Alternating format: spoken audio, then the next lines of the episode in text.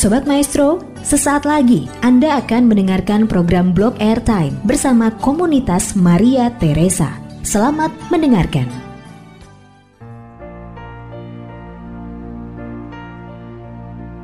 Shalom Sobat Maestro, selamat berjumpa kembali dengan saya Mikaela Mimi dalam program acara Komunitas Maria Teresa.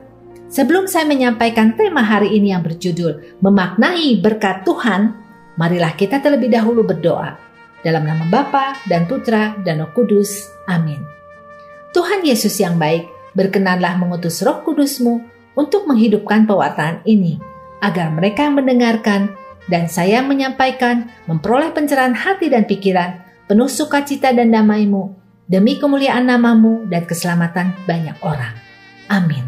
Dalam nama Bapa dan Putra dan Roh Kudus. Amin. Sobat Maestro yang terkasih dalam Tuhan Yesus Kristus, saat ini kita sudah memasuki awal tahun baru.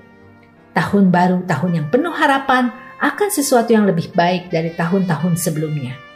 Setiap orang di tahun yang baru ini pasti mengharapkan akan datangnya berkat, kesuksesan, kesejahteraan, kemakmuran, kehidupan yang membahagiakan, kesehatan yang baik, dan berkat-berkat lainnya.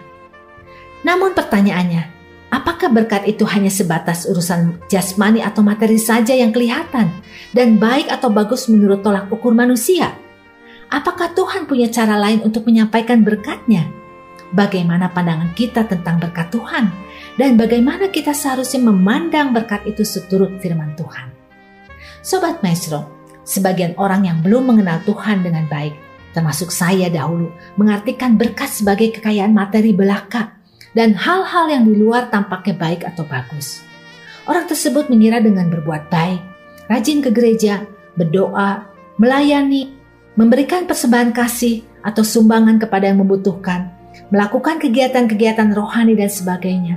Tuhan akan membalasnya berlipat-lipat lebih daripada apa yang telah dia korbankan. Oleh karena itu, dengan keyakinan dan pemahamannya sendiri, orang tersebut berusaha mengejar untuk mendapatkan banyak berkat dari Tuhan. Semua itu dilakukannya hanya dengan satu motivasi, karena ingin mendapatkan banyak berkat, bukan atas dasar kasihnya kepada Tuhan. Dia betul-betul tidak menyadari kasih Allah dan hanya fokus kepada materi pemberiannya saja.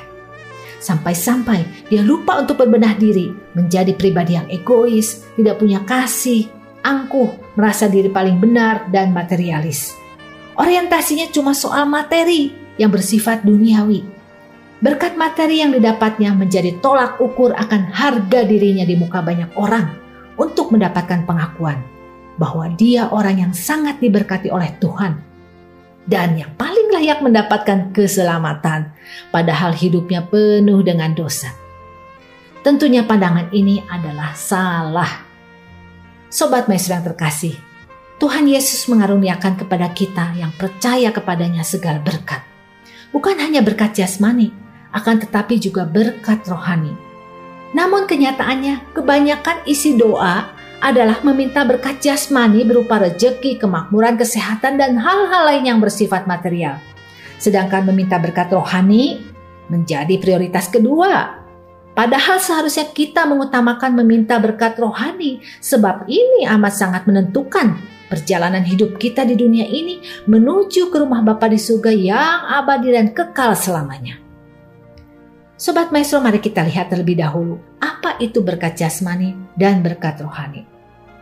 Yang pertama adalah berkat jasmani. Apa saja contohnya?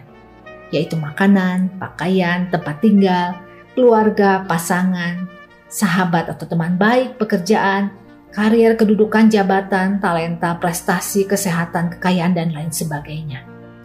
Firman Tuhan dalam ulangan 8 ayat 18 mengatakan, Tetapi haruslah engkau ingat kepada Tuhan Allahmu, sebab dialah yang memberikan kepadamu kekuatan untuk memperoleh kekayaan, dengan maksud meneguhkan perjanjian yang diikrarkannya dengan sumpah kepada nenek moyangmu seperti sekarang ini.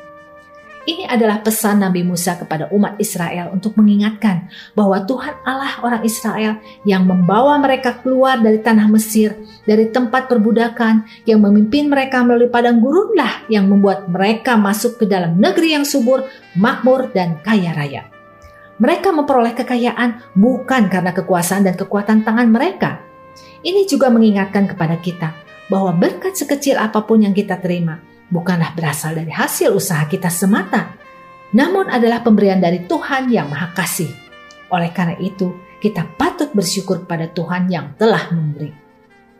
Demikian pula kitab Amsal 10 ayat 22 mengatakan, Berkat Tuhanlah yang menjadikan kaya, susah payah tidak akan menambahkannya. Sobat Maestro, berkat jasmani memang dapat diberikan oleh Tuhan.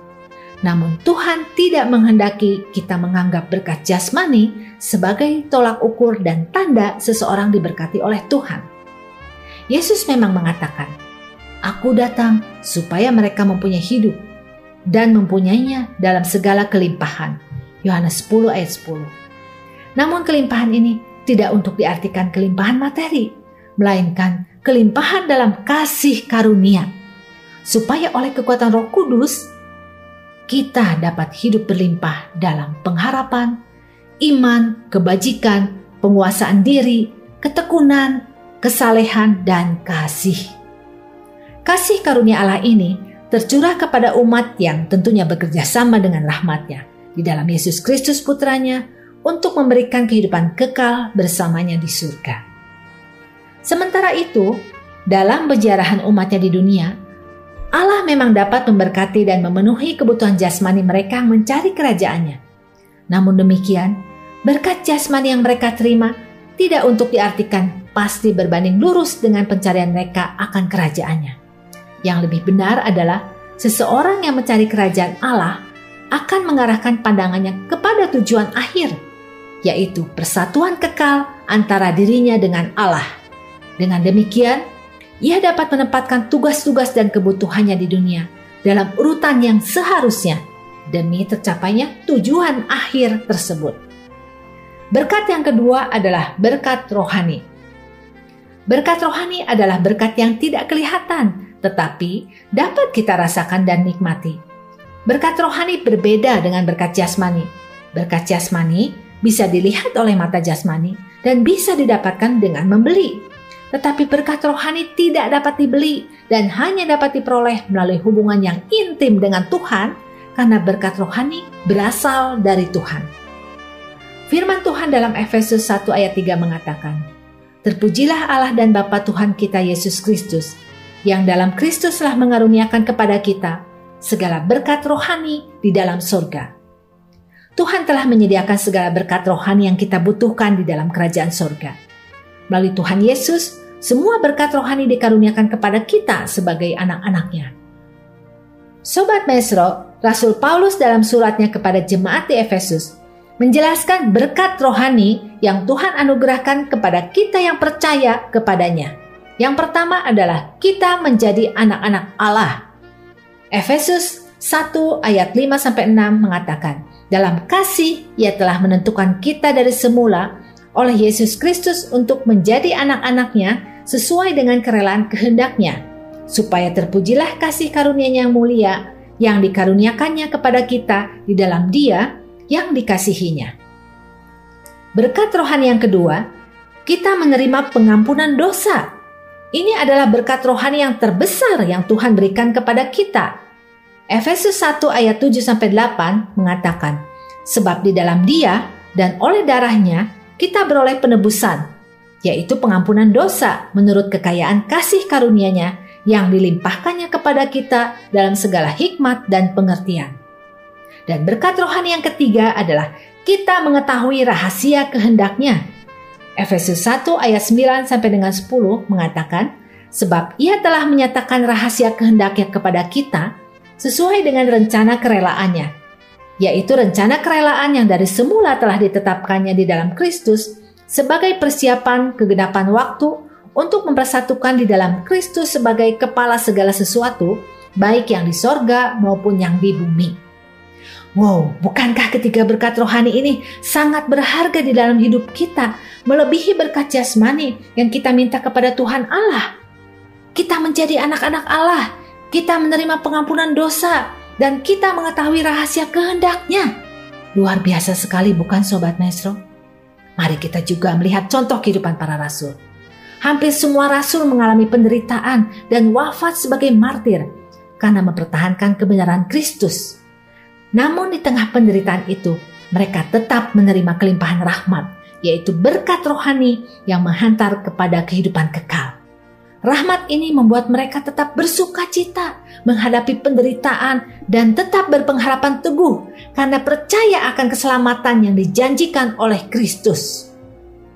Nah, sobat maestro, kita sudah mengetahui betapa pentingnya berkat rohani daripada berkat jasmani. Maka dari itu, hendaknya kita hidup sebagai manusia rohani yang mengutamakan berkat rohani daripada berkat jasmani. Sekali lagi, karena rahmat rohani lebih penting daripada berkat materi. Karena hal rohani bersifat kekal, sedangkan hal material bersifat sementara.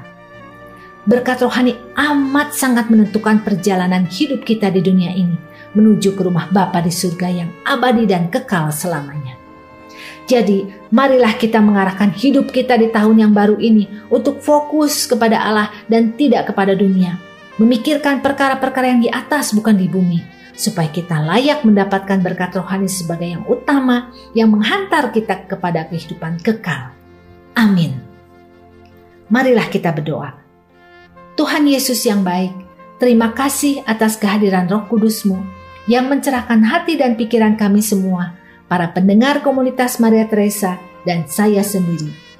Bimbinglah agar kami lebih mengutamakan berkat rohani yang kekal daripada berkat material yang sifatnya sementara dalam pejarahan hidup kami di dunia ini. Dan agar oleh kekuatan roh kudus kami dapat hidup berlimpah dalam pengharapan, iman, kebajikan, penguasaan diri, ketekunan, kesalehan, dan kasih. Yang oleh karena rahmatmu menghantar kami kepada kehidupan kekal bersamamu di surga. Doa ini kami panjatkan dengan pengantaran Yesus Kristus Putramu Tuhan kami yang hidup dan berkuasa bersama Engkau dalam persekutuan Roh Kudus kini dan sepanjang segala masa. Amin. Dalam nama Bapa dan Putra dan Roh Kudus. Amin. Sobat Maestro pendengar komunitas Maria Teresa, terima kasih atas perhatian Anda. Apabila ada kritik, saran, dan masukan, atau Anda berkenan berpartisipasi dalam pelayanan komunitas Maria Teresa, silakan menghubungi nomor 0812 2459 0914. Terima kasih, Tuhan Yesus memberkati.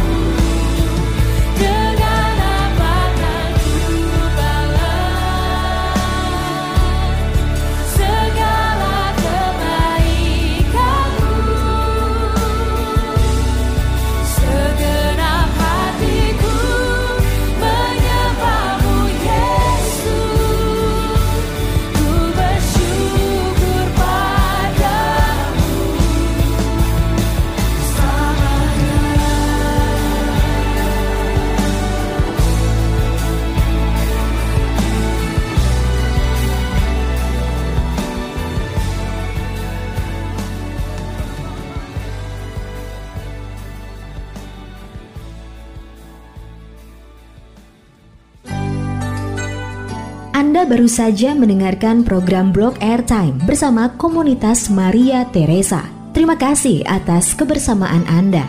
Tuhan Yesus memberkati.